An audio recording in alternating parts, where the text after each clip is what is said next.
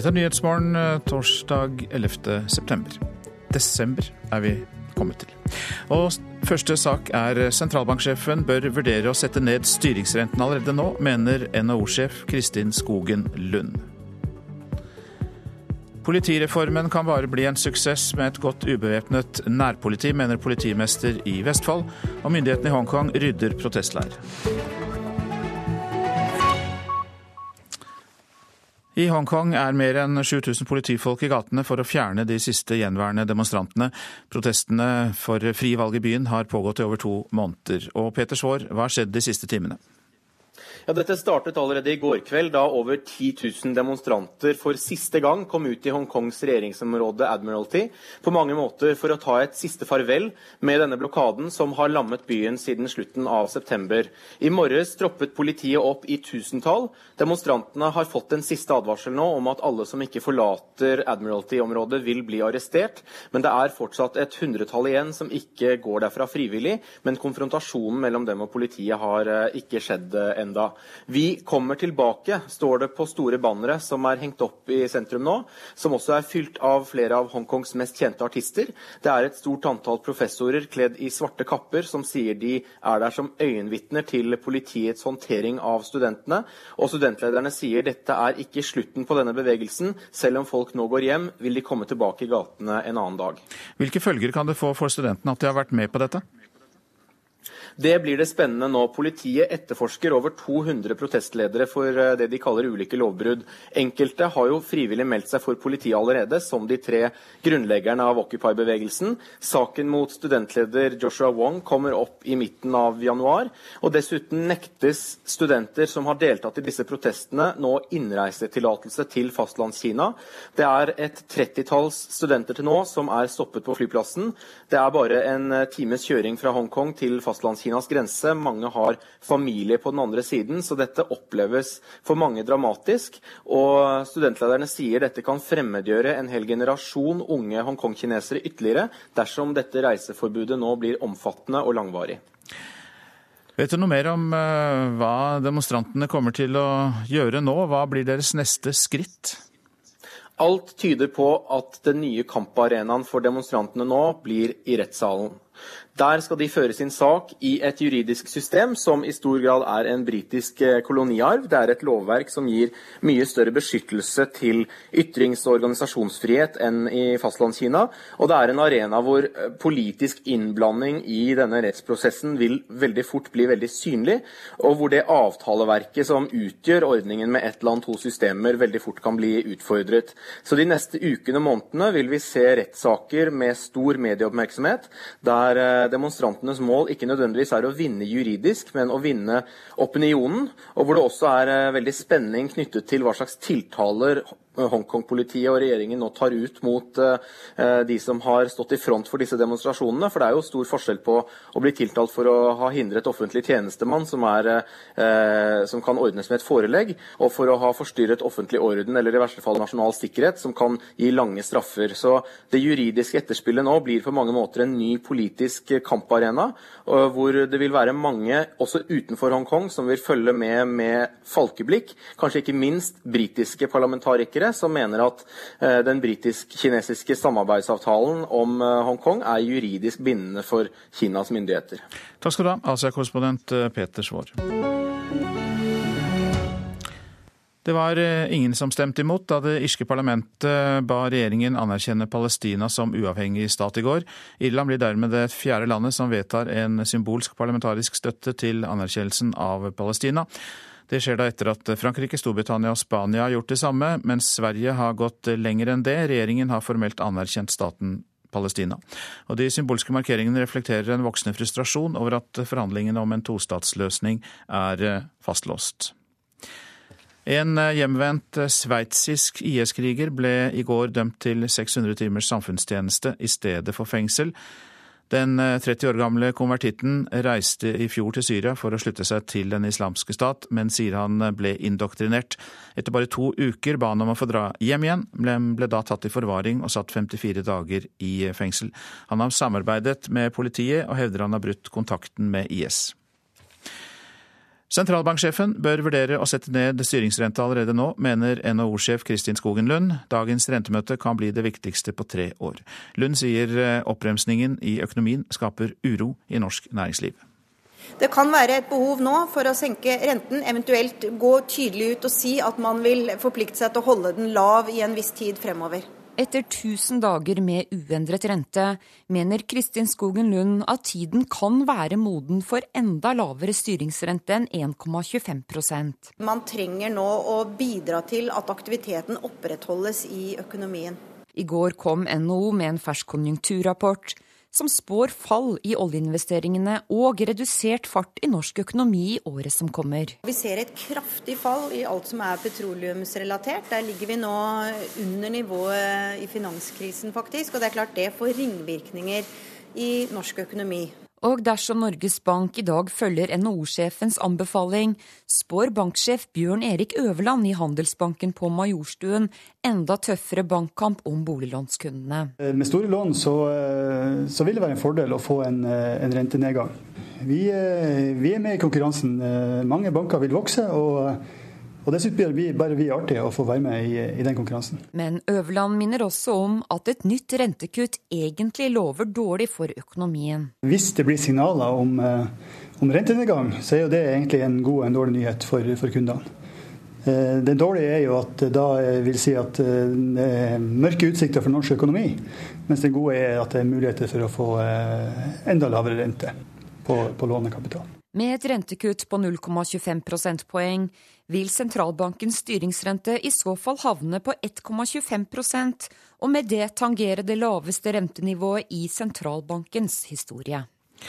Og Det er da klokka ti at Norges Bank offentliggjør sin beslutning om renta. Reportere Line Tomter og Sindre Heierdal. Det siste året har verdier for over 250 milliarder kroner forsvunnet fra oljerelaterte aksjer på Oslo Børs, og fallet vil fortsette, mener analytiker Lucas Daul i meglerhuset ABG Sundal Collier, og sier det til Dagens Næringsliv. Han mener at de 25 oljerelaterte selskapene som har falt mest i verdi i år, fortsatt kan falle ytterligere 20% Det siste kursfallet for disse selskapene skjedde i går, da oljeprisen falt med 65 dollar fatet. Politireformen kan bli mislykket dersom den fører til at politiet blir borte fra bygdene og småbyene. Det mener politimester i Vestfold, Rune B. Hansen.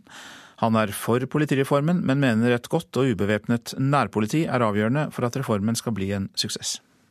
Hvis vi får store, dyktige miljøer mot de virkelig alvorlige truslene, men taper troverdigheten rundt på landsbygda og i mindre byer når det gjelder dagligdags kriminalitet, da blir denne reformen ikke vellykket. Etter to år som sjef for Vestfold-politiet er Rune B. Hansen sikker på at en sammenslåing av politidistrikter er lurt og riktig.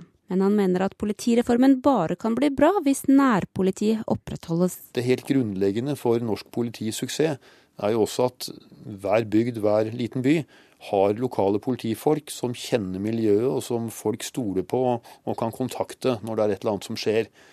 Og når da lensmannskontoret og politistasjonen er lagt ned, og det kommer til å bli mange slike steder, for å få større og kraftigere miljøer, så må det erstattes med et nærpoliti som er troverdig. Og med et troverdig nærpoliti mener han faste, erfarne folk ute på bygdene og i småbyene. Det må være uniformert og sivilt politi som kommer til bygda og byen, og det må være en system på at det må ha noen faste folk, slik at ikke rektor og rådmann må ringe til det politiet, og så kommer det kanskje en patrulje med to unge betjenter som de aldri har sett før. ikke sant? Å oppnå denne styrkingen av nærpoliti, til tross for at man skal slå sammen og skape større og mer handlekraftige miljøer mot terror, cyberkrim, seksuelle overgrep osv., det er en stor utfordring. Og, og der syns jeg det er helt fundamentalt at politiet lykkes. Men bevæpnet trenger ikke politiet å være, tenker han. Så mener jo jeg helt klart at norsk politi ikke trenger bevæpning i den daglige tjenesten nå. Det er nok at våpnene er i bilene. Og Neste år så blir det bestemt eh, at dagens 27 politidistrikter blir eh, redusert, og det kan da bli redusert til mellom 9 og 13, reporter Helena Rønning. Datatilsynet har gitt en bedrift 100 000 kroner i bot for å ha kombinert GPS-data med timelistene til en av de ansatte. Datatilsynet mener bedriften Windsor Door brøt loven da den installerte GPS-sporing i firmabilene og sammenholdt datainformasjonen derfra med de ansattes timelister, skriver Aftenposten. Ifølge avisen vil bedriftsledelsen bruke dataene til å underbygge påstanden om at det var grunnlag for oppsigelse. Den ansatte, tillitsvalgte og en LO-advokat gikk imidlertid gjennom eh, materialet og tilbakeviste bedriftens anklager, og den ansatte fikk eh, tilbake jobben. Stortinget vedtok i går kveld å tillate private pokerlag med en maksimal gevinst på 10 000 kroner. Regjeringen fikk støtte av Venstre og SV, melder TV 2. Regjeringens støtteparti KrF stemte sammen med Arbeiderpartiet og Senterpartiet mot forslaget. Så til det avisene har på sin dagsorden i dag. 21 år gamle Adan Cortez Salas veivet seg inn i nyhetssendingene verden over, skriver Dagbladet. Det var han som løp opp til fredsprisvinnerne med det meksikanske flagget. Det var eh, de som var sammen med ham på en fest lørdag, sier han var bekymret for situasjonen i hjemlandet, med drap, vold og utrygghet for studenter. De sterkeste taler siden Nelson Mandela, sier Aftenpostens kommentator Harald Stanghelle om fredsprisvinnerne. Etter, Mandela, etter Malala kan ingen lenger avvise noen med fraser som 'du er bare 17 år', skriver Stanghelle. Nå kan bestemor vare evig, skriver Vårt Land. Aske fra avdøde slektninger kan presses til diamanter vi kan ha med oss alltid. Det kan forlenge sorgen, sier psykolog Atle Dyregrov. Kundene taper på å ha penger i banken etter at prisstigning og skatt er tatt med i regnskapet, skriver Fedrelandsvennen. Og de som har penger i banken går fra vondt til verre nå, sier analysesjefer og eksperter. Erna Solberg ble mer streng etter valget, lyder overskriften i Klassekampen. KrFs Ingolf eh, Ropstad vil ha statsministeren tilbake til arbeidslivsforliket før valget, mens Høyres Arve Kambe sier at endringene i arbeidsmiljøloven ble kommunisert tydelig til eh, velgerne. Odd Reitan tapte millionfeide med slektning, som advarer alle mot å gjøre forretninger med Reitan-familien, skriver Dagens Næringsliv. Reitan-systemet tapte en voldgiftsdom mot eh, Bernt Østhus, som drev Norsk Kylling på Støren. Kommunikasjonsdirektør Mette Fossum Beyer i Rema 1000 skriver i et gjensvar til avisa at det er hundretalls eksempler på bedrifter i Norge som samarbeider godt med Reitan-gruppen. Utvalget som skal si ja eller nei til avvikling av pelsdyrnæringa her i landet, nekter å se pelsdyrfilmen som ble vist på NRK, skriver Nasjonen. Utvalget sier nei til innsikt, sier SVs Bård Vegar Solhjell. Leder for utvalget, Anne Karin Hamre, sier det er mye å gå gjennom i sluttspurten før utvalget skal levere sin innstilling, og at de ikke har tid til å se filmen. Dype kutt i skolebudsjettene over mange år fikk dramatiske konsekvenser for karakterene, skriver Nordlys om skolene i Nordreisa i Troms. Vi jobber nå med flere tiltak og foreslår å skjerme skolesektoren for nye kutt, sier rådmann Anne Marie Gaino, som håper at det kan snu utviklingen. Verdenscupen i alpint ble flyttet fra Val d'Isère til Åre i Sverige pga. snømangel i Frankrike. Men Henrik Kristoffersen mener at det er en fordel for han. Siden det ble, nå ble året, så har vi en fordel og kan være i Norge. Eh, resten driver og surrer i, med fly og sånt i Mellom-Europa. Så det, det, blir å stå to dager her på ski, og så her i Kvitfjell, og så komme seg litt lenger nordover. De norske gutta bestemte seg for å trene i Kvitfjell denne uka, og landslagssjef Christian Mitter er derfor fornøyd med at verdenscupen ble flyttet. Vi har valgt å komme tilbake til Norden her nå for å trene. Så vi er på riktig sted akkurat nå i forhold til snø og forhold. Og så reiser vi til Åre og så ser vi hva avgjørelsen blir. Kristoffersen har kjørt ut i de to siste storslalåmrennene i verdenscupen. Men med denne ukas forberedelser føler han seg trygg på at han skal slå tilbake på fredag. Altså, Den generelle skiformen er ganske bra. Jeg kjører jo på en måte bra på ski, men eh, det gjelder bare å unngå de tåpelige feila. Alpingutta trente slalåm på treningen onsdag og trener storslalåm i dag. I morgen er det verdenscup i storslalåm i Åre med Henrik Kristoffersen som en av favorittene. Jeg kjørte jo på en måte bra i storslalåmen i Beer Creek i de partier, men uh, bare slutte å gjøre sånne feil.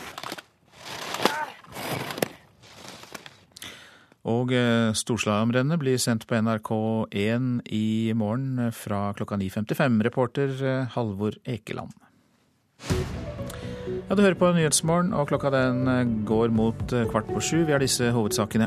Myndighetene i Hongkong rydder protestleir. Over 10 000 demonstranter var ute i gatene. Sentralbanksjefen bør vurdere å sette ned styringsrente allerede nå, mener NHO-sjef Kristin Skogen Lund. Og vi skal høre at norsk musikk gjør det godt i eh, utlandet, men mye av pengene havner i Sverige.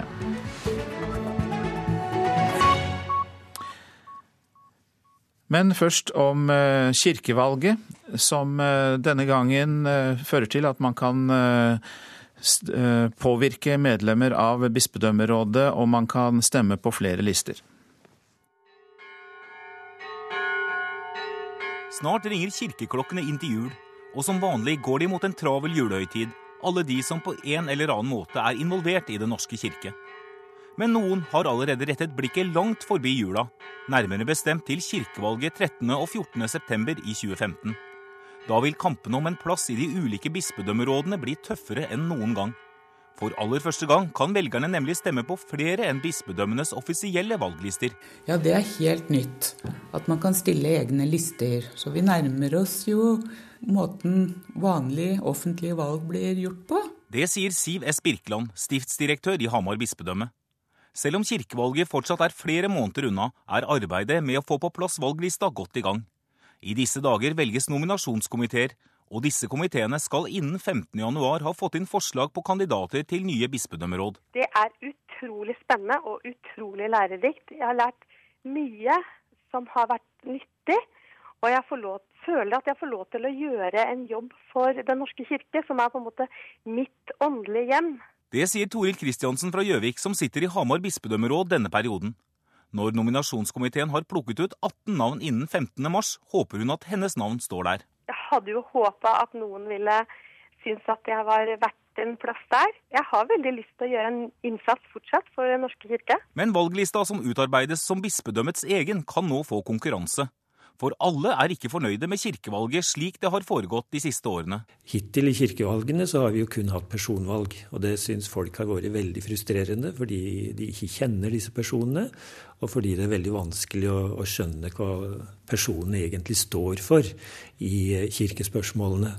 Det var jo ofte slik at når de ble spurt om hva de sto for, så var de fleste glad i Jesus og at vi skulle drive barne- og ungdomsarbeid, og det er litt tynt når en skal bestemme seg hvem en skal stemme på framfor en annen. Sevat Lappegard er prost i Sør-Østerdal prosti og medlem i organisasjonen Åpen folkekirke. Den nystartede organisasjonen, som ønsker å skape en folkekirke som er slik at folk kjenner den igjen som sin egen kirke, har som mål å stille en alternativ liste i alle bispedømmene. Åpen folkekirke har åpent gått ut og tatt stilling i et av de mest kontroversielle spørsmålene i kirka. Spørsmålet om homofil vigsling, en sak forrige kirkemøte stemte ned med minst mulig margin. Homofile eller heterofile, det spiller ingen rolle i kirkelig sammenheng, og ikke i Guds øyne heller. Slik at her skal det være like retter for alle. og Det betyr at eh, vi ønsker at homofile også skal kunne gifte seg i kirka. Et annet alternativ med stikk motsatt syn i spørsmålet om homofil vigsling har også dukket opp, nemlig Levende folkekirke. Trolig vil også denne organisasjonen stille alternative lister i flere bispedømmer, men neppe i Hamar, tror Toril Kristiansen, som deler Levende folkekirkes syn i saken om homofil vigsling. Jeg er nok av den mening at eh, kirka ikke kan vie homofile, fordi jeg mener at det når Bibelen helt bokstavelig sier at det, det ikke er riktig, så kan ikke kirka gå utover det som Bibelen sier. I stedet for å stå på en alternativ liste, satser Kristiansen på en plass på den vanlige valglista i bispedømmet. Men for Åpen folkekirke er ikke det godt nok. Vi må ha en annen valgordning. Kirkevalgene må være slik som andre valg. At de blir klare valg for ulike alternativer når det gjelder hva kirka skal stå for. Reporter Ola Bjørlo Strande. Norsk musikk gjør det godt i utlandet, men mye av pengene havner i Sverige. Nå må vi bygge opp en norsk musikkindustri, mener norske musikkforleggere.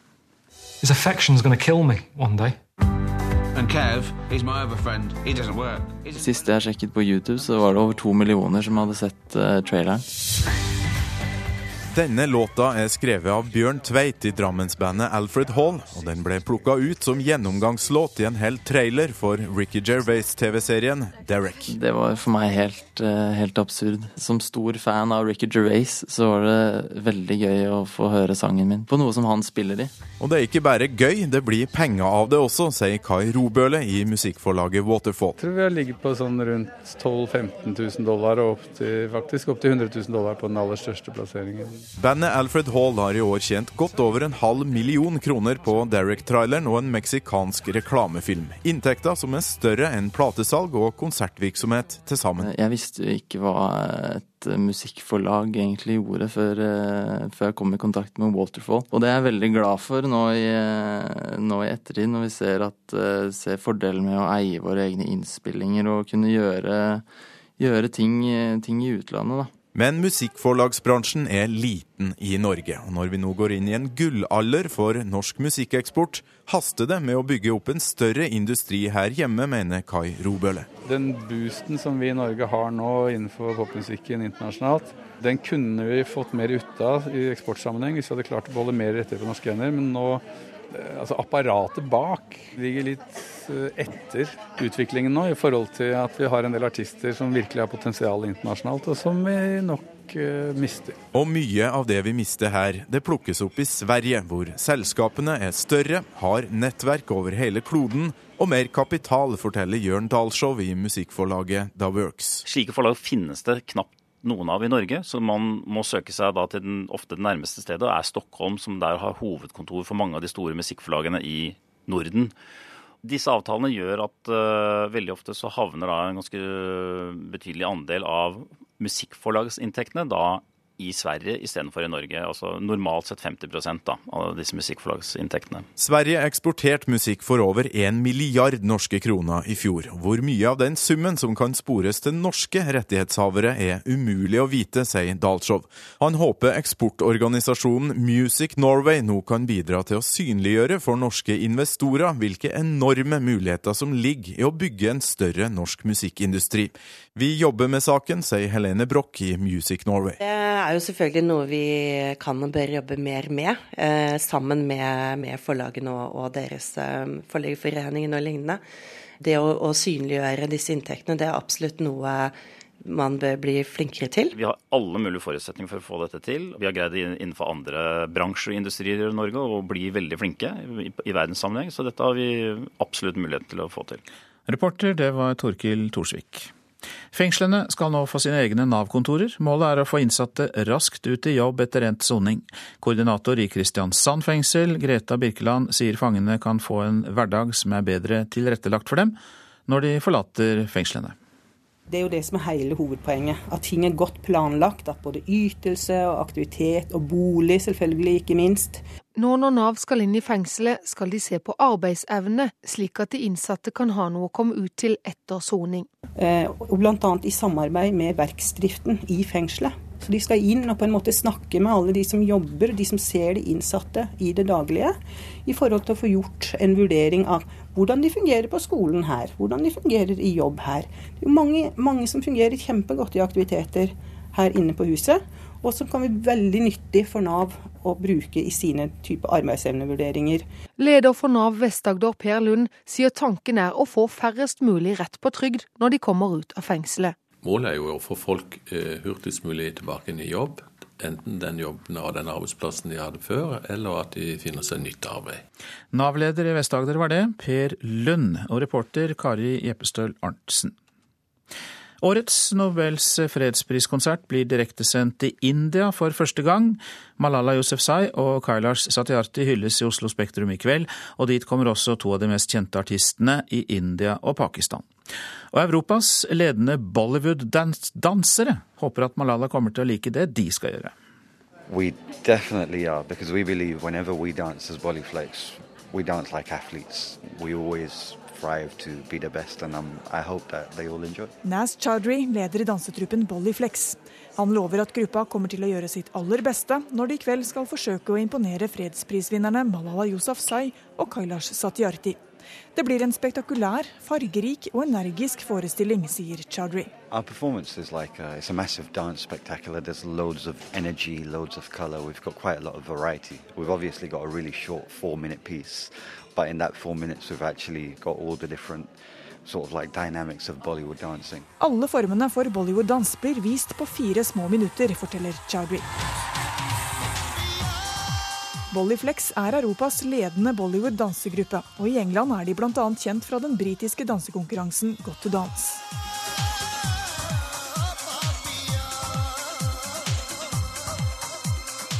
Danser Amrita J. Krishnan sier fredspriskonserten ikke kan måle seg med noe annet gruppa har gjort, og at det er en stor ære.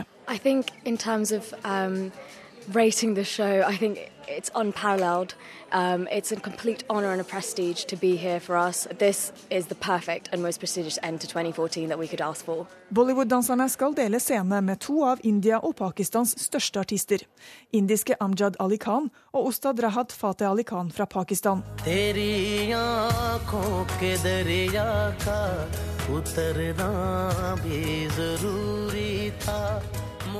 Hvert år så, så gjør vi det sånn at, at vi vi tar kontakt med nobelprisvinneren og så spør vi om, om eh, de har spesielle ønsker da, til artister. Eh, det har vi gjort i år òg. De som representerer India og Pakistan er jo store stjerner. Altså kjempestore stjerner. Altså Stjernenivået i, i Pakistan og India er nesten ufattelig for oss. Det sier produsent for Nobelkonserten Odd Arvid Strømstad i iWorks Dynamo. Og i fredsprisvinnernes hjemland har Nobelkonserten blitt møtt med stor interesse. For første gang skal den direktesendes i India, forteller Strømstad. Det kan selvfølgelig ha noe med vinneren å gjøre, men jeg, tror jo ikke det har det. fordi jeg tror at de, disse navnene som vi har her, da, eh, spesielt Rahat Fatih Ali Khan, er jo eh, også i pakistanske kretser i eh, Norge er jo et, et veldig stort navn. Konserten skal vises i mellom 80 og 100 land. Naz Chowdhury ser fram til å lære seerne noe nytt, og vise hvor mye teknikk Bollywood-dansen faktisk krever. As well as. So in itself and inspire them and show them something that, wow, this is something that they can consider. So the more it reaches out to all these other countries, we're hoping the love for Bollywood even grows. Og reporter her, det var Une Marvik eh, Hagen. Så tar vi med at Monacos fyrstepar har fått uh, tvillinger, en jente og en gutt, og dermed har det lille fyrstedømmet fått en tronarving. Det er da de første felles barna til fyrst Albert 2. og hans kone fyrstinne Charlene, som opprinnelig er fra Sør-Afrika. Skal, gutten, som heter Jacques, skal arve tronen selv om søsteren hans, som skal hete Gabriella, ble født to minutter før. Og vi legger til at begge fyrstebarn i Monaco har det bra. Det opplyser palasset. Så tar vi med oss værvarselet. Og dette gjelder da fram til midnatt. Fjell i Sør-Norge. Sørvestlig stiv kuling utsatte steder. I kveld liten kuling. Snø og snøfokk. Lite nedbør lengst nord i fjellet. Østlandet liten kuling på kysten, enkelte regnbyger øst for Oslo, som snø i indre og høyereliggende områder. Det er utrygt for torden på kysten, ellers stort sett oppholdsvær på Østlandet. Telemark stort sett oppholdsvær også der, men det kan bli litt snø i vestlige områder. Agder på kysten liten eller stiv kuling, regnbyger, snø i høyden og utrygt for torden. Så går vi til eh, hele Vestlandet. Sørvestlig periodevis sterk kuling utsatte steder. Regn og haglbyger. Snø i indre og høyereliggende strøk. Lokalt kan det komme kraftige tordenbyger. Trøndelag sørøstlig stiv kuling utsatte steder og oppholdsvær. Nordland i sør oppe i stiv kuling, stort sett pent vær. Troms sørlig liten kuling, oppholdsvær og til dels pent. Finnmark sørlig stiv kuling utsatte steder, i øst sterk kuling, og det blir litt snø av og til. Nordensjøland på Spitsbergen. Østlig stiv kuling utsatte steder og litt snø. Og temperaturer tar vi også med oss. Disse ble målt klokka fire i natt. Svalbard lufthavn minus åtte. Og så går vi over på plussgrader stort sett, ser det ut til. Kirkenes én grad, Vardø og Alta tre. Tromsø, Langnes og Bodø begge to. Brønnøysund tre grader. Trondheim-Værnes fire. Molde fem. Bergen, Flesland eh, fire. Stavanger seks. Kristiansand, Kjevik og Gardermoen begge én grad. Lillehammer to, og så dukker det opp en minusgrad i Røros, mens det er eh, pluss to i Oslo. I hvert fall var det det da klokka var fire i eh, natt. Du lytter til Nyhetsmorgen. Nå sier vi farvel til våre lyttere på NRK P1 pluss, men fortsetter altså i Alltid nyheter og P2. Vi vil se ansiktet på folk, sier Fremskrittspartiet, som vil ha forbud mot nikab og burka på offentlige steder. Kirkevalget 2015 blir et historisk valg. Her er NRK Dagsnytt klokken sju. Fremskrittspartiet håper på et flertall i Stortinget for et forbud mot nikab og burka på offentlige steder. De har tatt opp saken flere ganger tidligere uten å få gjennomslag. Men etter at Den europeiske menneskerettighetsdomstolen i sommer sa at et forbud mot heldekkende plagg i offentligheten ikke er i strid med menneskerettighetene, tar de opp saken på nytt. Erlend Wiborg er arbeids- og sosialpolitisk talsperson i Frp det er en grunn til at eh, vi ikke aksepterer at mennesker går rundt med en finlandshette på gaten. Eh, det er for at vi skal se ansiktet på eh, de vi møter på gaten. Når du går inn i en bank, på et postkontor, en butikk, så skal vi se, se det. Og da mener vi at det er viktig å sørge for at vi setter nå en stopper for at mennesker skal kunne tildekke seg i det åpne rom. Datatilsynet har gitt en bedrift 100 000 kroner i bot for å ha kombinert GPS-data med timelistene til en av de ansatte. Ifølge Aftenposten ville bedriftsledelsen bruke dataene som grunnlag for å kunne si opp den ansatte. Tillitsvalgte og en LO-advokat gikk imidlertid gjennom materialet og tilbakeviste bedriftens anklager, og den ansatte fikk jobben tilbake. Mobiliseringen før neste års kirkevalg er allerede i gang, og et av stridstemaene kan bli homofiles rett til å gifte seg i kirken. Den nystartede listen Åpen folkekirke ønsker å stille til valg i alle landets bispedømmer. Vi vil kjempe for at homofile skal få gifte seg, sier Sevat Lappegård, som er prost i Sør-Osterdal prosti. Hittil i kirkevalgene så har vi jo kun hatt personvalg, og det syns folk har vært veldig frustrerende fordi de ikke kjenner disse personene, og fordi det er veldig vanskelig å, å skjønne hva personene egentlig står for i kirkespørsmålene. Det var jo ofte slik at når de ble spurt om hva de sto for, så var de fleste glad i Jesus og at vi skulle drive barne- og ungdomsarbeid, og det er litt tynt når en skal bestemme seg hvem en skal stemme på framfor en annen. Valget er i september neste år. Ullevål sykehus bekrefter at en person som ble funnet i en leilighet på Borgen i Asker, har omkommet. Det opplyser politiet. Brannen er nå slukket. Stortinget vedtok i går kveld å tillate private pokerlag med en maksimal gevinst på 10 000 kroner. Regjeringen fikk støtte av Venstre og SV, melder TV 2. KrF stemte sammen med Arbeiderpartiet og Senterpartiet imot forslaget. NRK Dagsnytt, Ida Creed. Dette er Nyhetsmorgen, og vi fortsetter med disse sakene. Oljeprisen faller fortsatt, og det preger børsene. Vi analyserer den turbulente økonomien vi er inne i. Arbeiderpartiet later som de er tøffe og enige med oss om forbud mot heldekkende hodeplagg, sier FrPs Erlend Wiborg. NSB gir Flytoget hardere konkurranse. Nye avganger til Oslo lufthavn fra mandag.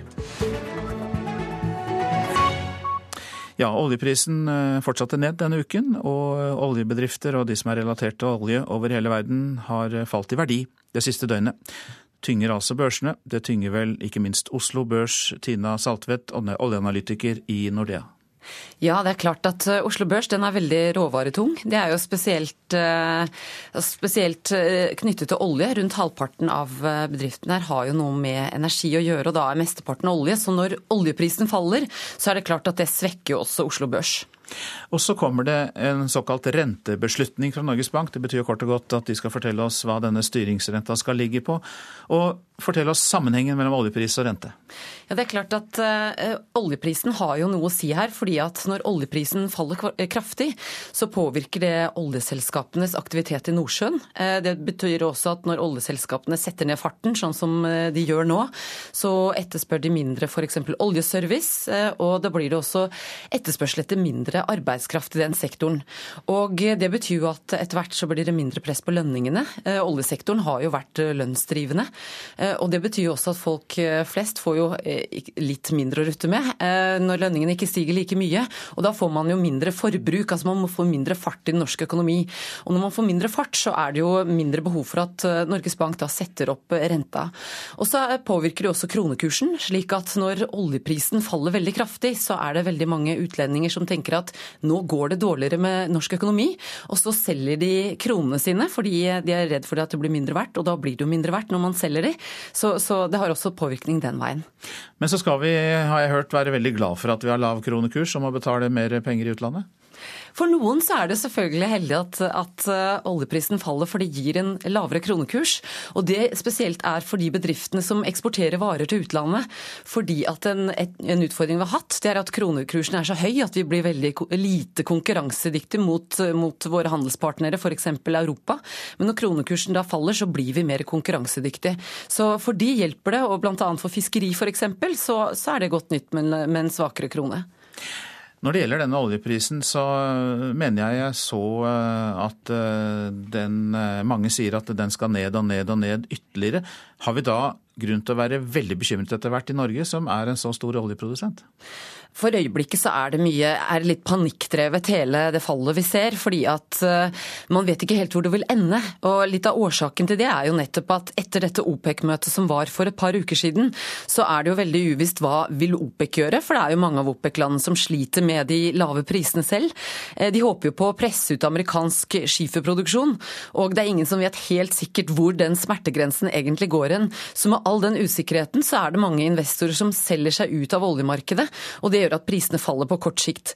Men, eh, og, og det er jo usikkert hvor langt den kan falle. altså Om den 60, 50, 40, det er det ingen som vet når den vil snu. Men at den kommer til å ligge på 40 veldig lenge, det er, eh, det er lite trolig. For da er det veldig lite prosjekter som blir igangsatt. Men er det fortsatt grunn til å drifte prosjekter som Norge har i Nordsjøen? Det er fortsatt lønnsomt, fordi de kanskje er nedbetalt og er i sving? Ja, Den produksjonen som er i gang, den skal det veldig mye til for at den stoppes. Fordi at veldig mye av investeringene skjer egentlig før produksjonen starter. Så det er mer de eh, kostnadene som er fra dag til dags produksjon som, er, eh, som man får når det, når det først er i gang. Så man stopper ikke et prosjekt som er i gang. Og vi skal huske på at dette kjempefunnet, sånn som Johan Sverdrup, de trenger ikke mer enn en oljepris på rundt 40 dollar eh, for å settes i gang. Slik at det er lite fare for at det stoppes, og det er også et viktig bidrag på, på oljeinvesteringene fra 2016 og utover. Takk for at du orienterer oss og gjør oss litt klokere i denne turbulente økonomitiden. Tina Saltvedt, oljeanalytiker i Nordea. Vi gjør oss ikke helt med økonomi, for den russiske økonomien eh, har problemer, er på fart nedover pga. sanksjoner og lav eh, oljepris. Og den russiske renten stiger med ytterligere 1,5 Eh, på toppen av det nivået den har på ni. Og da jeg snakket med Moskva-korrespondent Morten Jentoft før sending, så sa han dette om tilstanden i russisk økonomi nå.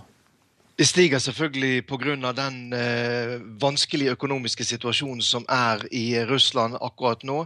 Eh, valutaen rubel den er i nesten fritt fall. Eh, I forhold til dollar så har eh, rubel tapt 65 eh, av sin verdi siden starten av året.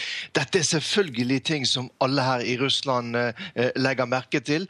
Dette fører selvfølgelig også til en prisstigning, og alt dette nå driver verdien av av valutaen nedover, og som igjen gjør at man prøver da forskjellige tiltak for å, eh, for å forsøke å stoppe dette, bl.a. ved å heve rentene. Ja, man vil ha flere som eh, likevel investerer i rubel da, ved å heve renten, men er det nok til å stanse rubelens eh, fall, tror du? Eh, statsminister Dmitrij Medvedev ble intervjuet av russisk TV i, i, går. Han sa at det er ingen grunn til panikk. Den russiske økonomien er mye mye sterkere nå, både eh, eh enn i 1998, da jo eh, økonomien kollapset totalt og eh, millioner på millioner av russere mistet sparepengene sine. Og han mener også at den er i alle fall minst like sterk som i 2008 og 2009, da det også var et kraftig eh, rubelfall. Han sier selv at han tar det med ro og sover godt og har sine sparepenger i rubel. Det spørs om eh, russere flest sover like godt som, som, han. Det er en sterk uro nå blant veldig veldig mange, ikke minst i middelklassen, om hva som kommer til å skje framover, hvor langt nedover dette kommer til å gå. Hva kan president Vladimir Putin komme til å gjøre dersom den russiske økonomien virkelig går helt ned i kjelleren? Ja, Det er jo mange som lurer på det om man da vil bli presset eh, gjennom den økonomiske virkeligheten da, til å inngå et eller annet uh, form for kompromiss da med Vesten over krisen i, i, i, Ukraina. Nå er det jo tillyst forhandlinger da for å forsøke å få til en mer permanent våpenhvile øst i Ukraina, der mer enn 4000 mennesker har blitt drept i kamper det siste, det siste halvåret. Putin må gjøre et eller annet Det er mange som eh, sier at han blir presset av den økonomiske virkeligheten. Men samtidig så er det jo nå knyttet såpass mye prestisje til den konflikten med Vesten at, eh, at, her må det kanskje vises fleksibilitet fra begge sider for å få til et, et kompromiss. Fremskrittspartiet mener Arbeiderpartiet dobbeltkommuniserer i saken om forbud mot nikab og burka, som vi også hørte i Dagsnytt. Frp har lenge ønsket et forbud mot heldekkende plagg på offentlig sted. Arbeids- og sosialpolitisk talsperson i Frp, Erlend Wiborg, krever svar fra Arbeiderpartiet. Så registrerer jeg at Arbeiderpartiets eh, nye leder Jonas Gahr Støre var ute og eh, prøvde å gi et inntrykk av at Arbeiderpartiet kanskje nå kunne være litt for dette.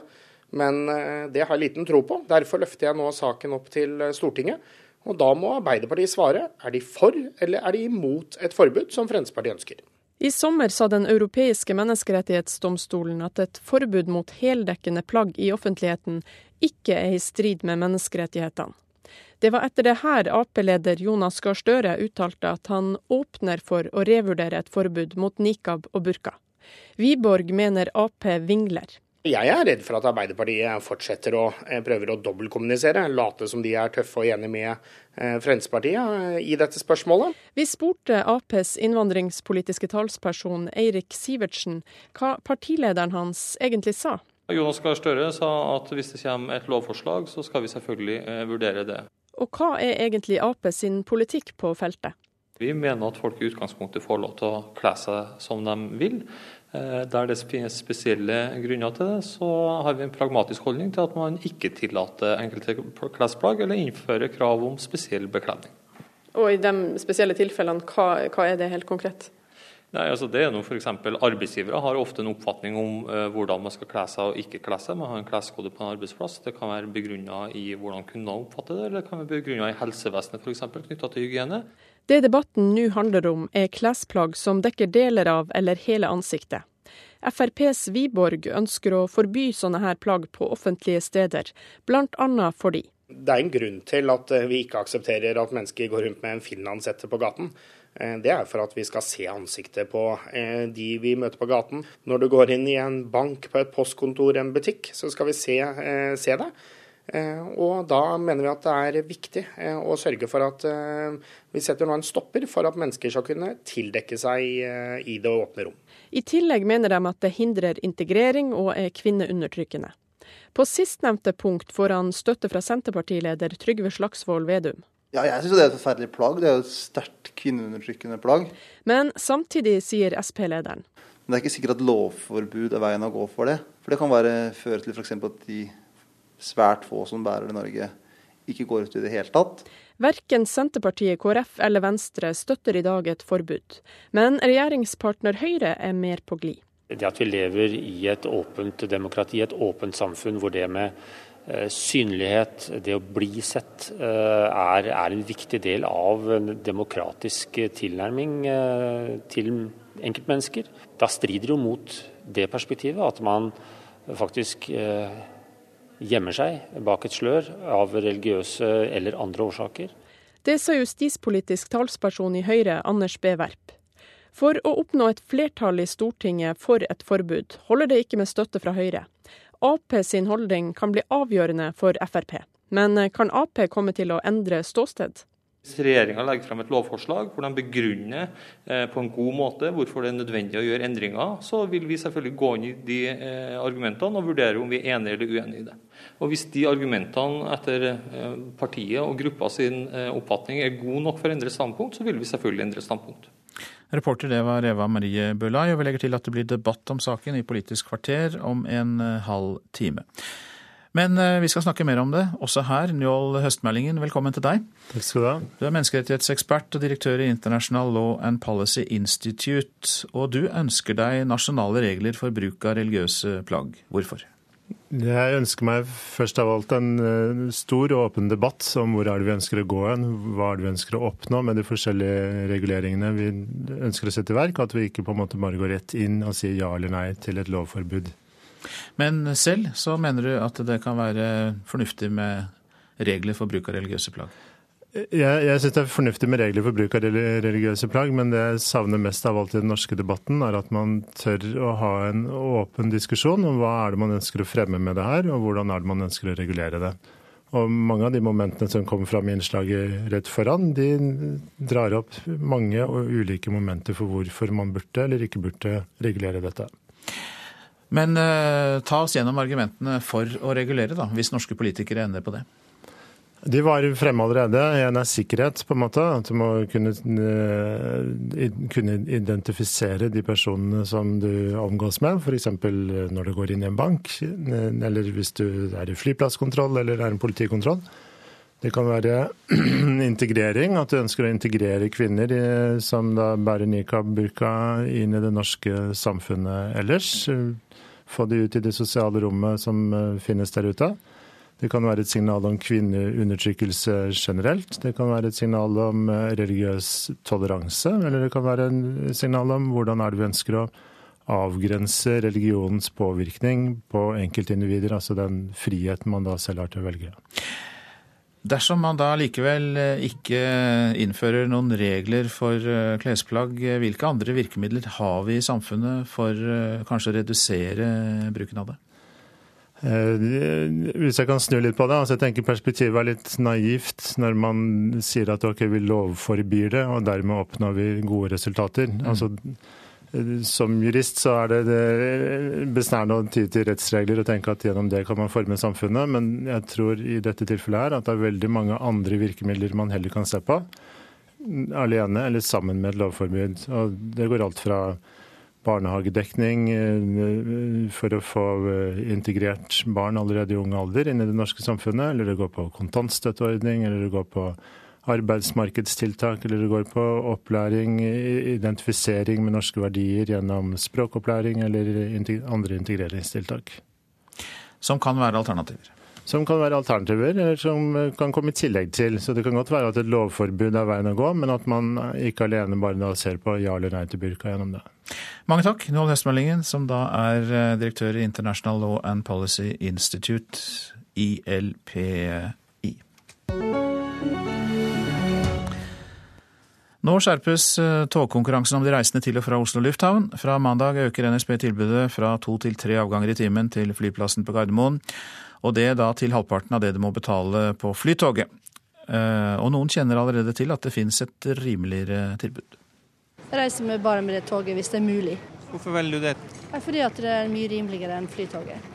Det går eh, like raskt nesten, og det koster mindre. Arnhild Fensholt og Lise Kokk reiser til Gardermoen fra Oslo S. En vanlig billett med Flytoget koster 170 kroner, men bare 90 med NSB. At det er billigere, har òg studenten Sean St. Arnold på vei hjem til USA fått med seg. Oslo, the, uh, Fra mandag øker NSB fra to til tre avganger i timen mellom Drammen og Eidsvoll. Det betyr at fra de viktigste stasjonene vest for Oslo S blir det altså like mange avganger til flyplassen med rød-hvite som med sølvgrå tog, det sier direktør for persontog i NSB, Tom Ingulstad. De går ikke helt på nøyaktig samme inndelingen av timen, så det er ikke fullt så jevnt som Flytogets. Men det er riktig, vi får et veldig godt tilbud fra Drammen og inn mot byen og videre til OSL. Men på Oslo S er det Flytoget Vibeke Betuelsen skal ta. Det er sikkert fordi det er lettest tilgjengelig, og så det jeg kjenner best. liksom. Men jeg vet at stefaren min bare sier at det er like billig eller billigere med den andre som går direkte, som tar fem eller to minutter ekstra. liksom.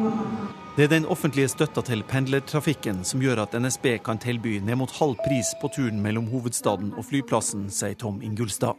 Ja, altså vi, eh, vi, har jo et sonetakstsystem eh, i eh, Oslo og Akershus. og Dermed blir prisforskjellene relativt store der hvor hele prissystemet er innrettet mot arbeidsreiser. Når vi ser fra Drammen og utenfor sonetakstsystemet, så er ikke prisforskjellen så stor. Driftsdirektør Jarle Røsland i Flytoget sier at konkurransen bare skjerper dem og lover å svare neste år. I løpet av 2015 så vil vi starte en ny flytogavgang fra Lysaker. så Det betyr at passasjerer fra Lysaker, Skøyen og Nationaltheatret vil få enda et tog til Oslo lufthavn. Enda et flytog. Men hvorfor skal folk reise med dere når de kan reise med NSB til halve prisen? Det er fordi at Flytoget tilbyr et helt unikt tilpassa produkt. Vi har kjører hvert tiende minutt nesten hele døgnet. Og Sånn sett så er det en veldig effektiv og veldig behagelig, trygg og sikker transportmiddel til og fra flyplassen. Flytoget hadde i fjor sitt beste resultat hittil, og hadde flere passasjerer enn noen gang.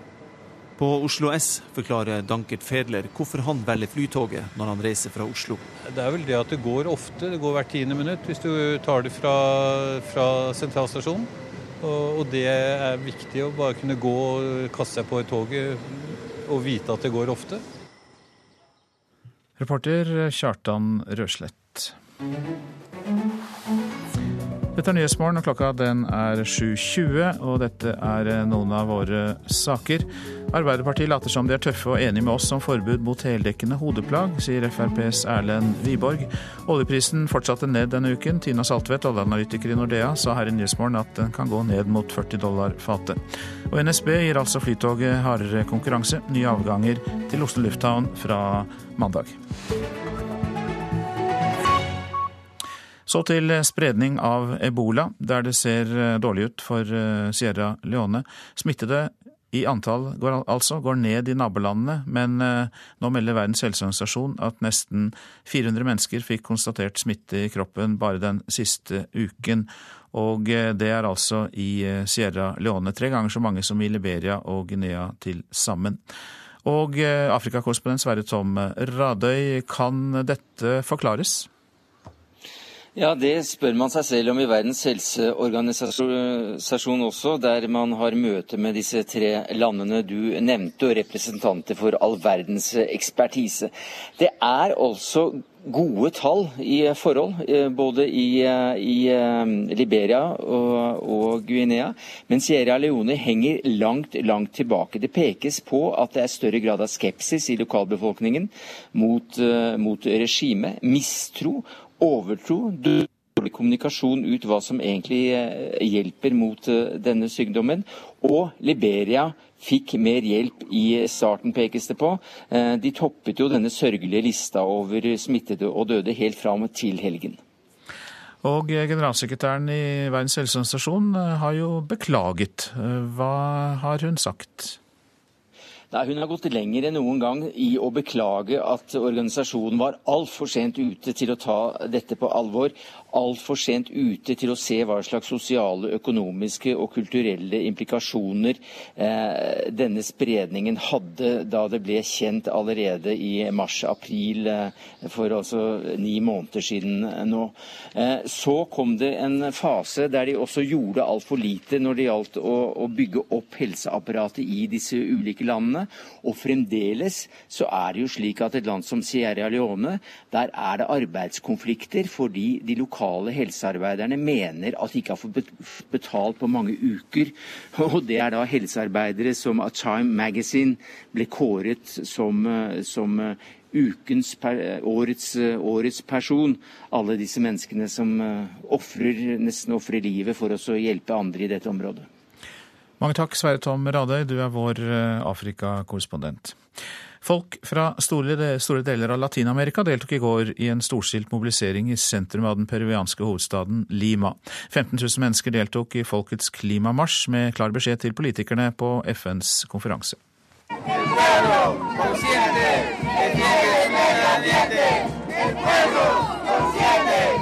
Folk strømmer inn til Plaza San Martin. Det er folkets klimamarsj som er framme ved målet i sentrum av den peruanske hovedstaden. I over en time har de marsjert gjennom byen. Folk fra en lang rekke organisasjoner i Latin-Amerika har gått sammen og mobilisert. Ungdomsorganisasjoner, miljøorganisasjoner, de som jobber for urfolk sine retter. 15 000 mennesker her nå for å gi politikerne på klimakonferansen en klar beskjed. Aleli Malaga er student fra Lima. Hun er uroa over hva konsekvenser klimaendringene kan få her i området. Like, like Lima. In in desert, Lima, right Nå ser vi også følgende for oss her i Lima. Vi er i et ørkenområde, og i Lima er det mange som ikke har vann nå. Isbreene oppe i Andesfjella, som er den viktigste drikkevannskjelda, blir mindre og mindre, og situasjonen er alvorlig, sier hun. Judith Rivero Burgos har kommet hit fra Bolivia. Hun leder ei gruppe som arbeider med urfolk sine retter.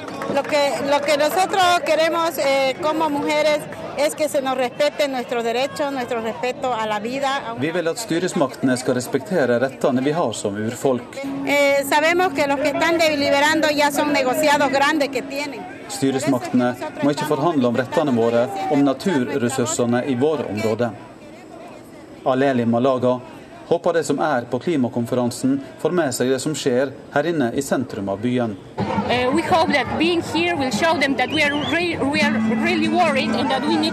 Now.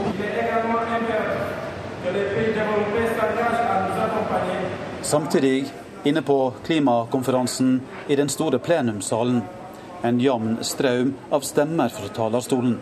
Klima- og miljøminister Tine Sundtoft har holdt det norske innlegget. Det aller viktigste formidlet i mitt innlegg i dag, er at alle land må bidra. Eh, land må bidra ulikt, men alle land må gjøre sitt. Og så er det viktig at vi også får en oversikt for å se om det er tilstrekkelig for å nå togradersmålet. Det er jo store forventninger om et godt resultat her fredag ettermiddag. Hvordan er framdrifta? Eh, selve forhandlingen om teksten går ganske seint. Eh, alle land legger inn sine primære standpunkter, så den teksten er nå blitt altfor stor. Akkurat nå så ser det ikke så bra ut. Lyden fra folkets klimamarsj kan ikke høres her inne. Men de som står på talerstolen vet nok godt at folket venter handling mer enn ord. Reporter i Lima, Eivind Molde. Så til noe av det avisene er opptatt av i dag. Sterkeste taler siden Nelson Mandela, sier Aftenpostens kommentator Harald Stanghelle om fredsprisvinnerne. Etter Malala kan ingen lenger avvise noen med fraser som 'du er bare 17 år', skriver Stanghelle. Nå kan bestemor vare evig, skriver Vårt Land. Aske fra avdøde slektninger kan presses til diamanter vi kan ha med oss alltid. Det kan forlenge sorgen, sier psykolog Atle Dyregrov. Kundene taper på å ha penger i banken etter at prisstigning og skatt er tatt med i regnskapet, skriver Federlandsvennen. Og de som har penger i banken, går fra vondt til verre, sier analysesjefer og eksperter til avisa. Erna Solberg ble mer streng etter valget, lyder overskriften i Klassekampen. KrFs Ingolf Ropstad vil ha statsministeren tilbake til arbeidslivsforliket før valget, mens Høyres eh, Arve Kambe sier at endringer i arbeidsmiljøloven ble kommunisert tydelig til velgerne. Utvalget som skal si ja eller nei til avvikling av pelsdyrnæringa her i landet, nekter å se pelsdyrfilmen som ble vist på NRK, skriver Nasjonen. Utvalget sier nei til innsikt, sier SVs Bård Vegar Solhjell. Leder for utvalget, Anne Karin Hamre, sier det er mye å gå gjennom i sluttspurten for utvalget, og at de ikke har tid til å se filmen. Sammen med over 100 kolleger og familiemedlemmer har ekteparet Moser den siste uka vært i Stockholm under Nobeluka. I går fikk de da endelig prisen, men rett etter seremonien var det fortsatt vanskelig å tro på det for hovedpersonene selv. Etter hvert så begynte det å gå opp for meg. Jeg ble veldig, veldig nervøs. May-Britt Moser and Edvard Moser, may I now ask you to step forward and to receive the Nobel Prize from the hands of His Majesty the King. Det å ta imot en nobelmedalje er nemlig ikke bare bare. Vi øvde i morges på hvordan vi skal gjøre ting. Plutselig så ble det så komplisert at det jeg trodde var det enkleste i verden, nemlig å ta imot den medaljen. Ja. Det ble så mye å passe på. Seremonien forløp uten problemer, og etterpå var det bare gleden igjen. Nei, det var helt fantastisk, virkelig. Så det var en opplevelse. Jeg setter pris på at vitenskapen blir feira på en sånn måte. I salen satt en stolt administrerende direktør i Forskningsrådet. Arvid Hallén er ikke i tvil om at jobben ekteparet Moser gjør, baner vei for andre lovende forskerspirer. De eh, bidrar til at vi også kan framsnakke norsk forskning. Vi ser at vi kan være blant de beste hvis vi satser riktig og satser nok. To til som var stolte, og ikke minst rørt, var Edvard og May-Britts døtre, Eileen og Isabel Moser. Jeg har ikke vært så stolt før i mitt liv, tror jeg. Reporter her, det var Lena Gundersby Gravdal. Produsent for Nyhetsmorgen, Tonje Grimstad. Her i studio, Øystein Heggen. Og vi legger til at eh, arbeidsmiljøloven og bruk av burka og nikab er de to temaene som blir behandlet i Politisk kvarter. Avansert teknologi har inntatt det religiøse markedet, skal vi høre i reportasjen etter Dagsnytt. Du kan smykke deg med verdens minste bibel rundt halsen nå. Nanobibelen.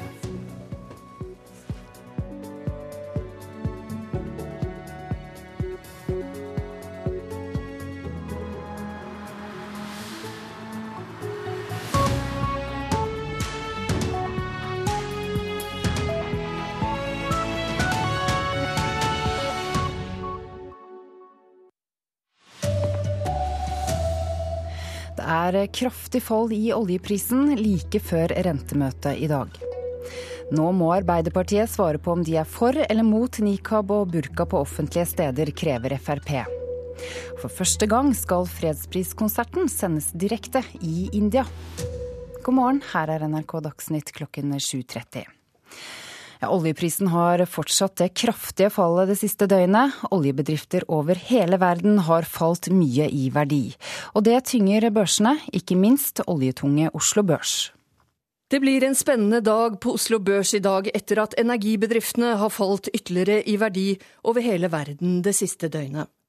Oljeprisen er nå like lav som under finanskrisen, og ingen vet helt hvor oljeprisen stopper. Det siste året har verdier for over 250 milliarder kroner forsvunnet fra oljerelaterte aksjer på Oslo Børs. Fallet vil fortsette, mener mange analytikere. For det er fortsatt fallhøyde, selv om det har vært ille allerede, sier en energianalytiker i meglerhuset ABG, Sundal Collier, til Dagens Næringsliv i dag. Det betyr mye for norsk økonomi, både for inntjening, overskudd, kroneverdi og renter. Det sa reporter Hedvig Bjørgum. I dag bestemmer altså Norges Bank rentenivået fremover. Og oljeanalytiker i Nordea Tina Saltvedt, hvordan påvirker fallet i oljeprisen om rentene skal opp eller ned? Ja, Når oljeprisen faller, så bidrar jo det til at eh, oljeselskapene eh, har mindre aktivitet. Altså, Når det blir så lave priser, så setter de en del eh, prosjekter på hold. Det betyr at etterspørselen etter alle andre industrier, f.eks. oljeservice, og ikke minst da etter hvert også arbeidskraft, faller. Det skaper mindre aktivitet i norsk økonomi. Oljesektoren har jo vært en viktig driver der. slik at når man får mindre aktivitet, så, så ønsker man da også å stimulere økonomien, og det kan man gjøre gjennom lavere lavere renter. Eh, sånn at eh, Det er én side. Den andre siden er jo gjennom kronekursen at en, et fall i oljeprisen eh, det gjør jo at spesielt utlendinger de ser jo på, på Norge som kanskje litt mindre verdt. At man er redd for at altså den verdien av Norge faller noe. Det gjør at de selger krona, at krona svekker seg. Og det vil også kunne påvirke Norges Banks rentebeslutning. Så gjennom to veier. Børsene i hele verden eh, har falt i natt pga. oljeprisfallet. Er det fare for panikksalg når Oslo Børs eh, åpner klokken ni i dag? Børsene har jo falt en god del. Eh, Oslo Børs er jo veldig oljetung. Rundt 50% av bedriften der er tilknyttet til energi, og mesteparten er da knyttet til olje. Sånn at når oljeprisen faller så kraftig, så er det klart at det påvirker også Oslo Børs. Det har vært et kraftig salg av bl.a. Eh, altså investorer i oljemarkedet, og vi ser jo at de har solgt seg ut. Det er jo litt av grunnen til at vi ser at oljeprisen har falt så mye. Og det smitter da over også på aksjemarkedet, og spesielt da oljerelatert industri. Tina Saltvedt, takk for at du kom i studio. Og de fleste børsene i Asia falt ved åpningen eh, i dag, etter at børsene i New York i går ble rammet av en kraftig nedgang pga. de fallende oljeprisene. Oljeprisen har også stor innvirkning på russisk økonomi. Kombinert med sanksjonene pga. landets innblanding i nabolandet Ukraina, vil oljeprisen føre til negativ vekst i Russland. I dag er det ventet at russerne setter opp renten til hele 10,5% for å forsvare verdien av rubelen valutaen rubel den er i nesten fritt fall. Eh, I forhold til dollar så har eh, rubel tapt 65 eh, av sin verdi siden starten av året. Dette er selvfølgelig ting som alle her i Russland legger merke til.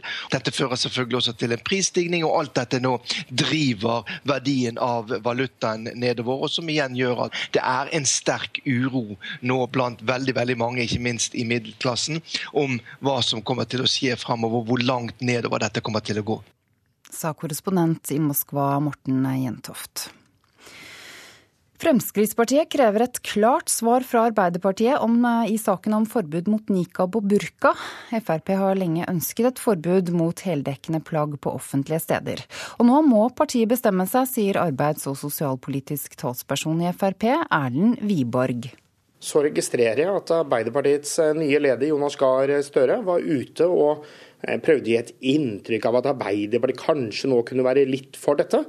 Men eh, det har jeg liten tro på. Derfor løfter jeg nå saken opp til Stortinget. Og da må Arbeiderpartiet svare. Er de for eller er de imot et forbud, som Fremskrittspartiet ønsker? I sommer sa Den europeiske menneskerettighetsdomstolen at et forbud mot heldekkende plagg i offentligheten ikke er i strid med menneskerettighetene. Det var etter det her Ap-leder Jonas Gahr Støre uttalte at han åpner for å revurdere et forbud mot nikab og burka.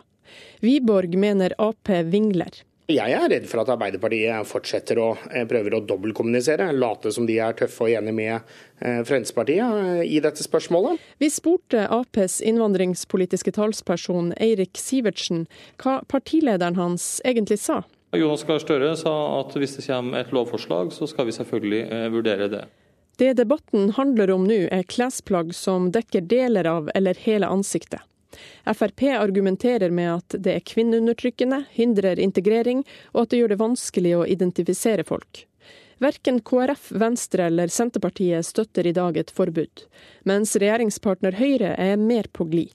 Her og nå kan ikke jeg avvise noe eh, standpunkt. Eh, vi har ikke tatt standpunkt, eh, men jeg mener det er prisverdig at Fremskrittspartiet nå på denne måten reiser diskusjonen. Det sa til slutt justispolitisk talsmann i Høyre Anders Werp, og partene møtes til debatt om dette i Politisk kvarter på P2 klokken 7.45. Reporter Eva Marie Bulai. Videre til Hongkong, for der har myndighetene nå begynt å rydde bort hovedleiren for demokratidemonstrantene like ved regjeringskontorene. Politiet ble kjørt inn for å fjerne leiren til demonstrantene, som i over to måneder har preget sentrum av Hongkong. På den siste kvelden før leirene skulle ryddes, samlet eh, over 10 000 demonstranter seg i dette området. Nå skjerpes togkonkurransen om de reisende til og fra Gardermoen. Fra mandag øker NSB tilbudet fra to til tre avganger i timen til flyplassen, til nesten halv pris av billetten med Flytoget. Men mange er allerede bevisst eh, det rimeligere togtilbudet til Oslo lufthavn. Jeg reiser med bare med det toget hvis det er mulig. Hvorfor velger du det? Fordi at det er mye rimeligere enn flytoget. Det går eh, like raskt nesten, og det koster mindre. Arnhild Fensholt og Lise Kokk reiser til Gardermoen fra Oslo S. En vanlig billett med Flytoget koster 170 kroner, men bare 90 med NSB. At det er billigere, har òg studenten Sean St. Arnold på vei hjem til USA fått med seg. I'm a student here in Oslo, and it's much cheaper to take this train than the uh, Airport Express. Fra mandag øker NSB fra to til tre avganger i timen mellom Drammen og Eidsvoll. Det betyr at fra de viktigste stasjonene vest for Oslo S blir det altså like mange avganger til flyplassen med rød-hvite som med sølvgrå tog, det sier direktør for persontog i NSB, Tom Ingulstad. De går ikke helt på nøyaktig samme inndelingen av timen, så det er ikke fullt så jevnt som Flytogets. Men det er riktig, vi får et veldig godt tilbud fra Drammen og inn mot byen og videre til OSL. Men på Oslo S er det Flytoget Vibeke Betuelsen skal ta. Det er sikkert fordi dette er tilgjengelig, og så det jeg kjenner best, liksom. Men jeg vet at stefaren min bare sier at det er like billig eller billigere med den andre som går direkte, som tar fem eller to minutter ekstra. liksom. Driftsdirektør Jarle Røsland i Flytoget sier at konkurransen bare skjerper dem, og lover å svare neste år. I løpet av 2015 så vil vi starte en ny flytogavgang fra Lysaker. så Det betyr at passasjerer fra Lysaker, Skøyen og Nationaltheatret vil få enda et tog til Oslo lufthavn. Enda et flytog. Reporter her var Kjartan Rørslett. Årets Nobels fredspriskonsert blir direktesendt i India for første gang. I kveld skal Malala Yousafzai og Kailash Satyarthi hylles i Oslo Spektrum. Og med to av India og Pakistans største artister på programmet, har arrangørene merket stor interesse fra fredsprisvinnernes hjemland. Europas ledende Bollywood-dansetrupp kom til Oslo i går, og de håper Malala liker det de skal vise. We definitely are. We strive to be the best, and um, I hope that they all enjoy. Naz Chowdhury leder dansetruppen Bollyflex. Han lover at gruppa kommer til å gjøre sitt aller beste når de i kveld skal forsøke å imponere fredsprisvinnerne Malala Yousafzai og Kailash Satyarthi. Det blir en spektakulær, fargerik og energisk forestilling, sier Chaudhry. Like Bollyflex er Europas ledende Bollywood-dansegruppe, og i England er de bl.a. kjent fra den britiske dansekonkurransen Got to Dance. Reporter her var Une Marvik Hagen. Ansvarlig for Dagsnytt-sendingene denne morgenen er Arild Svalbjørg. Teknisk ansvarlig er Lars Tromsmoen. Jeg heter Ida Creed.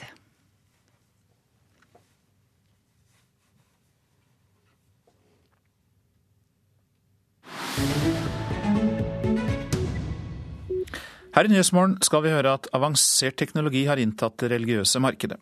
Nå kan du smykke deg med verdens minste bibel rundt halsen, nanobibelen. Den israelskproduserte bibelen er ikke større enn en liten tegnestift. Reporter eh, Agnes Fasting har laget denne reportasjen. The Foran en gruppe mennesker kledd i beskyttelsesutstyr står Russell Elwanger, en av skaperne av det nyeste innenfor religiøs teknologi. Gruppen har samlet seg på et laboratorie i Tel Aviv i Israel for å se hva Elwanger har laget. I håndflaten hans kan man så vidt se en liten svart nanochip, nemlig verdens minste bibel. Også de religiøse tilpasser seg en verden i utvikling. Annet finnes det nå hundrevis av iPhone-apper som gjør det mulig for troende å lett finne fram til bibelsitater eller studere Torah-vers mens man sitter på T-banen. Pastorer poster prekene sine på nettet, samtidig som Dalai Lama og paven er aktive på Twitter. Nei, ting er ikke hva de en gang var.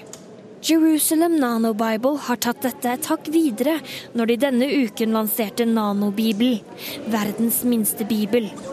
På nettsidene sine skriver de at målsettingen er å la den gamle Bibelen utvikle seg i takt med dagens digitale og teknologiske tidsalder. Foreløpig inneholder nanochipen kun Det nye testamentet, men målet er at også Det gamle testamentet skal få plass i denne lille brikken. Our aim is to be able to mass produce it and cater to really Målet er å masseprodusere nanobibelen og gjøre den tilgjengelig for alle, sier David Almog, markedsansvarlig i Jerusalem Nanobible. Ifølge ham kan denne lille dingsen, den minste bibelen i verden, brukes på uendelig mange måter, særlig innen smykkeindustrien. Men for å kunne lese Bibelen må du ha tilgang til et spesialmikroskop. Hver bokstav er ørliten. Hele Det nye testamentet får nemlig plass på tre ganger tre millimeter. The nanobible concept is a fantastic concept, and I think each and every Satish Desai, en turist fra India på besøk i Israel, mener nanobibelen er et fantastisk konsept. Han mener at alle, ikke bare kristne, men også hinduer, muslimer og jøder, må kunne få muligheten til å ha Bibelen, Koranen eller Gitaen rundt halsen. Desai er ikke alene om å være positiv til denne lille nanobibelen. I think it'd be good. People like something different, souvenirs and this type of thing. Jeg tror det vil være bra, sier en annen turist. Folk liker ting som er litt annerledes, som suvenirer som er litt utenom det vanlige. Å kunne kjøpe noe som det her er en god idé, mener han. Nå som jula nærmer seg, vil kanskje noen samle seg rundt mikroskopet og lese juleevangeliet fra Nanobibel. Tre nye historier fra NRK Radioteatret i desember. Det var faren min som ringte. Han Miles Davis er død, sa han. 'Driving Miles', en musikkmonolog av Henning Mankel. Mamma! Jeg er her. Kjersti Elvik i Båtar på vatnet. Er du klar? Jeg er klar. Kom igjen, Inga. Og hva skjer når livet man er fengslet av, blir et fengsel? Av og til tror jeg at jeg drømmer. Et mareritt der man løper og løper og ikke kommer av flekken. Premierer i desember, søndager klokken 15 i NRK P2. Du lytter til eh, Nyhetsmorgen. Dette er eh, noen av sakene i nyhetene i dag. Det er kraftig fall i oljeprisen, like lav som under finanskrisen. Nå må Arbeiderpartiet svare på om de er for eller mot nikab og burka på offentlig sted, krever Frp. For første gang skal fredspriskonserten sendes direkte i India. Og NSB gir Flytoget hardere konkurranse. Nye avganger til Oslo lufthavn fra mandag. Så minner vi om nettstedet radio.nrk.no. På radio.nrk.no så kan du høre alle NRKs radiokanaler, du kan høre tidligere sendte programmer. Men det programmet vi sender nå, det er Politisk kvarter, og programleder der er Bjørn Myklebust.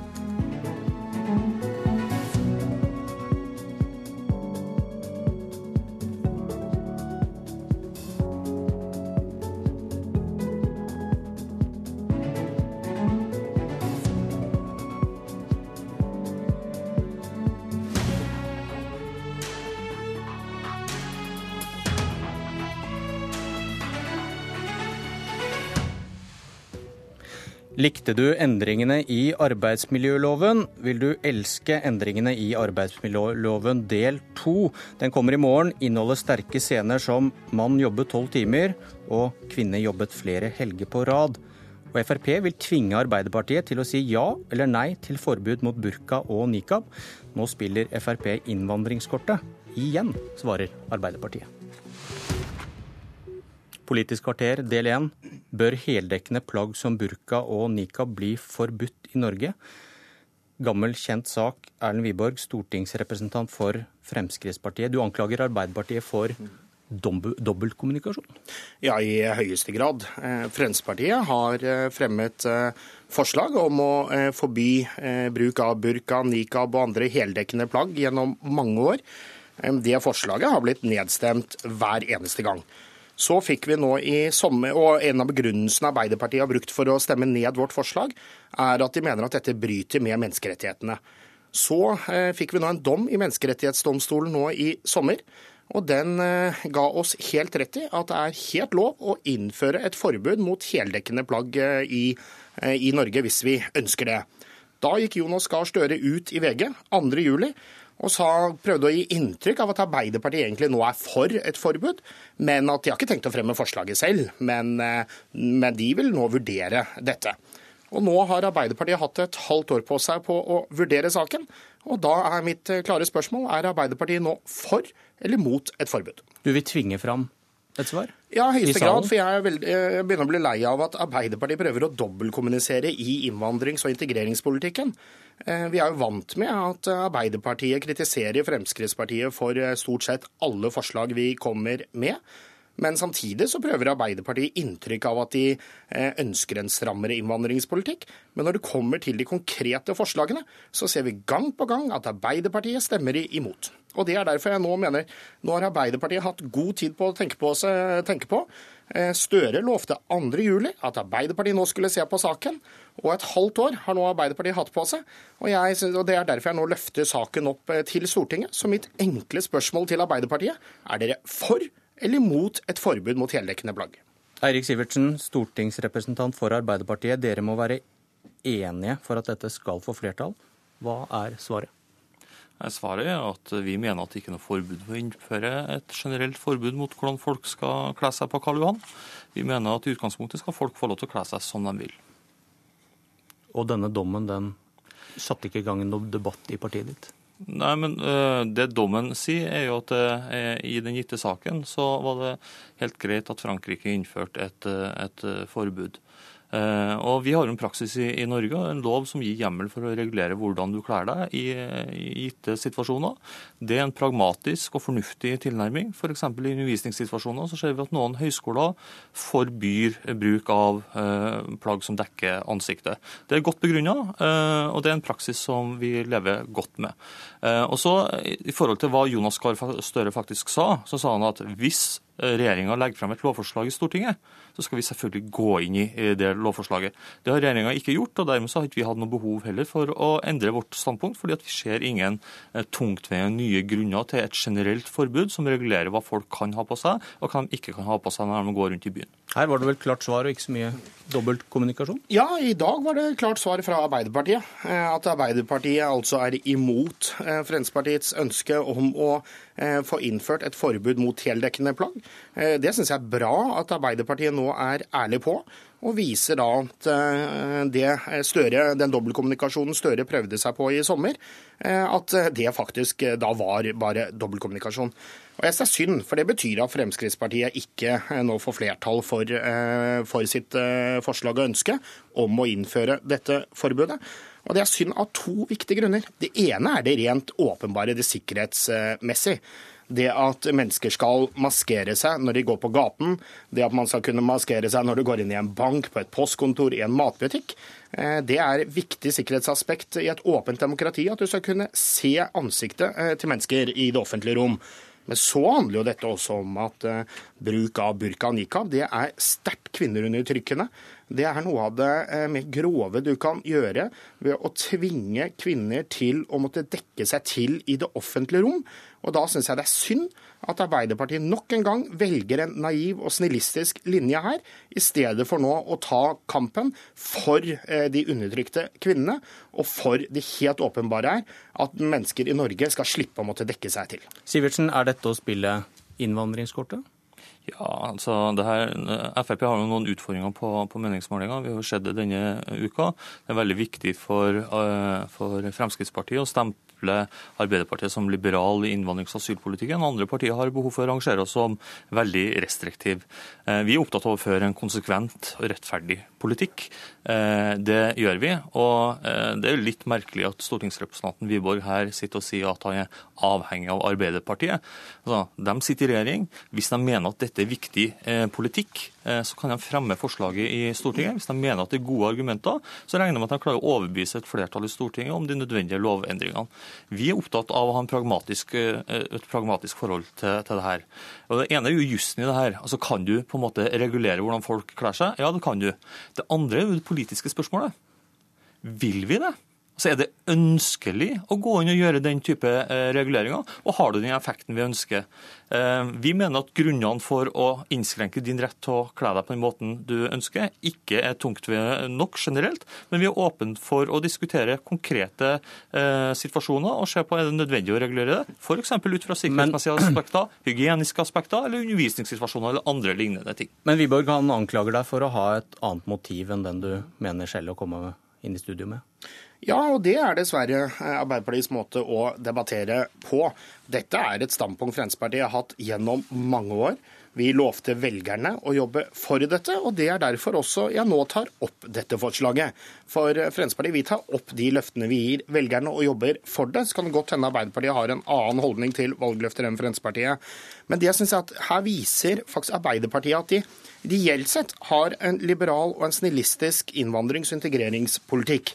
Mens de av og til Men Når det gjelder kvotefly kvoteflyktninger og asylbarn, så er det vel strengere om dagen, eller? Nei, eller Arbeiderpartiet de prøver ofte å gi inntrykk av at de er strenge. Man må jo se på totaliteten av innvandrings- og integreringspolitikken. Og da prøver Arbeiderpartiet å gi inntrykk av at de nå mener det er på tide å stramme inn osv. Men det hjelper ikke å bare snakke om det. For politikk handler faktisk om resultater og handling. Og når Arbeiderpartiet gang på gang stemmer ned Fremskrittspartiets forslag, eh, helt tilbake fra da Fremskrittspartiet tok opp behovet for å eh, kunne norsk når du skulle bo i Norge, så ble det, eh, ble det stemplet ned. Når Fremskrittspartiet mente at vi må også stille krav til de som kommer til Norge, så ble det nedstemplet, sablet ned Arbeiderpartiet. Så vet vi at Arbeiderpartiet kommer 10-15 år etter og støtter Fremskrittspartiet, og det tror jeg også kommer til å skje i denne saken. For her er det viktig nå at vi faktisk tar hensyn til undertrykte kvinner. I Norge i 2014 så skal ikke mennesker måtte bli tvunget til å dekke seg til i det offentlige rom. Og det må bli slutten på del én?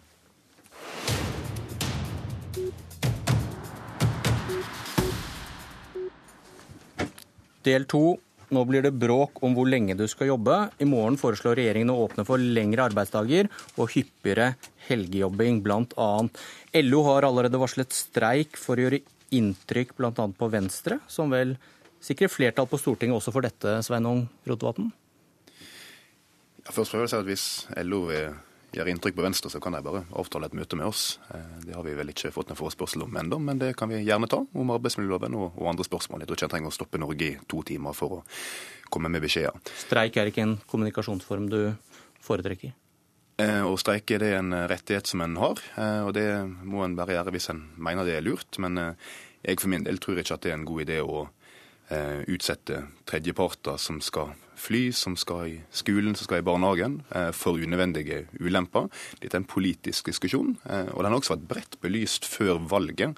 Der et flertall på Stortinget har gått til valg på at en skal ha litt mer lokal selvråderett på arbeidsplassene over fleksibiliteten på, på arbeidstid. Og så er det jo ingen som foreslår at noen skal jobbe lenger, men det som er lurt, er at en kan jobbe litt lenger i strekk for så å ta mer fri i andre perioder. Det er viktig for mange som har delt omsorg for barn, f.eks. Det er viktig for mange som jobber i helse- og omsorg og pleie- og omsorgsyrket.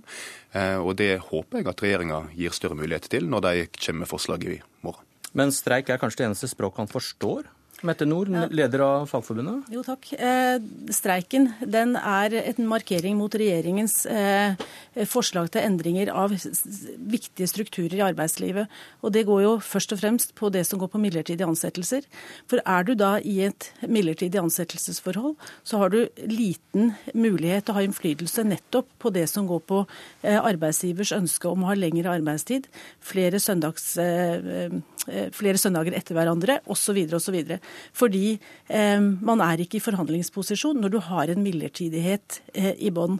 Eh, og det vi ser i forhold til omfanget av midlertidighet Vi har allerede i dag ca. 10% midlertidighet i eh, arbeidslivet. Å øke det med 15 det vil altså bidra til at du har 25% av arbeidsstokken som til enhver tid er midlertidig.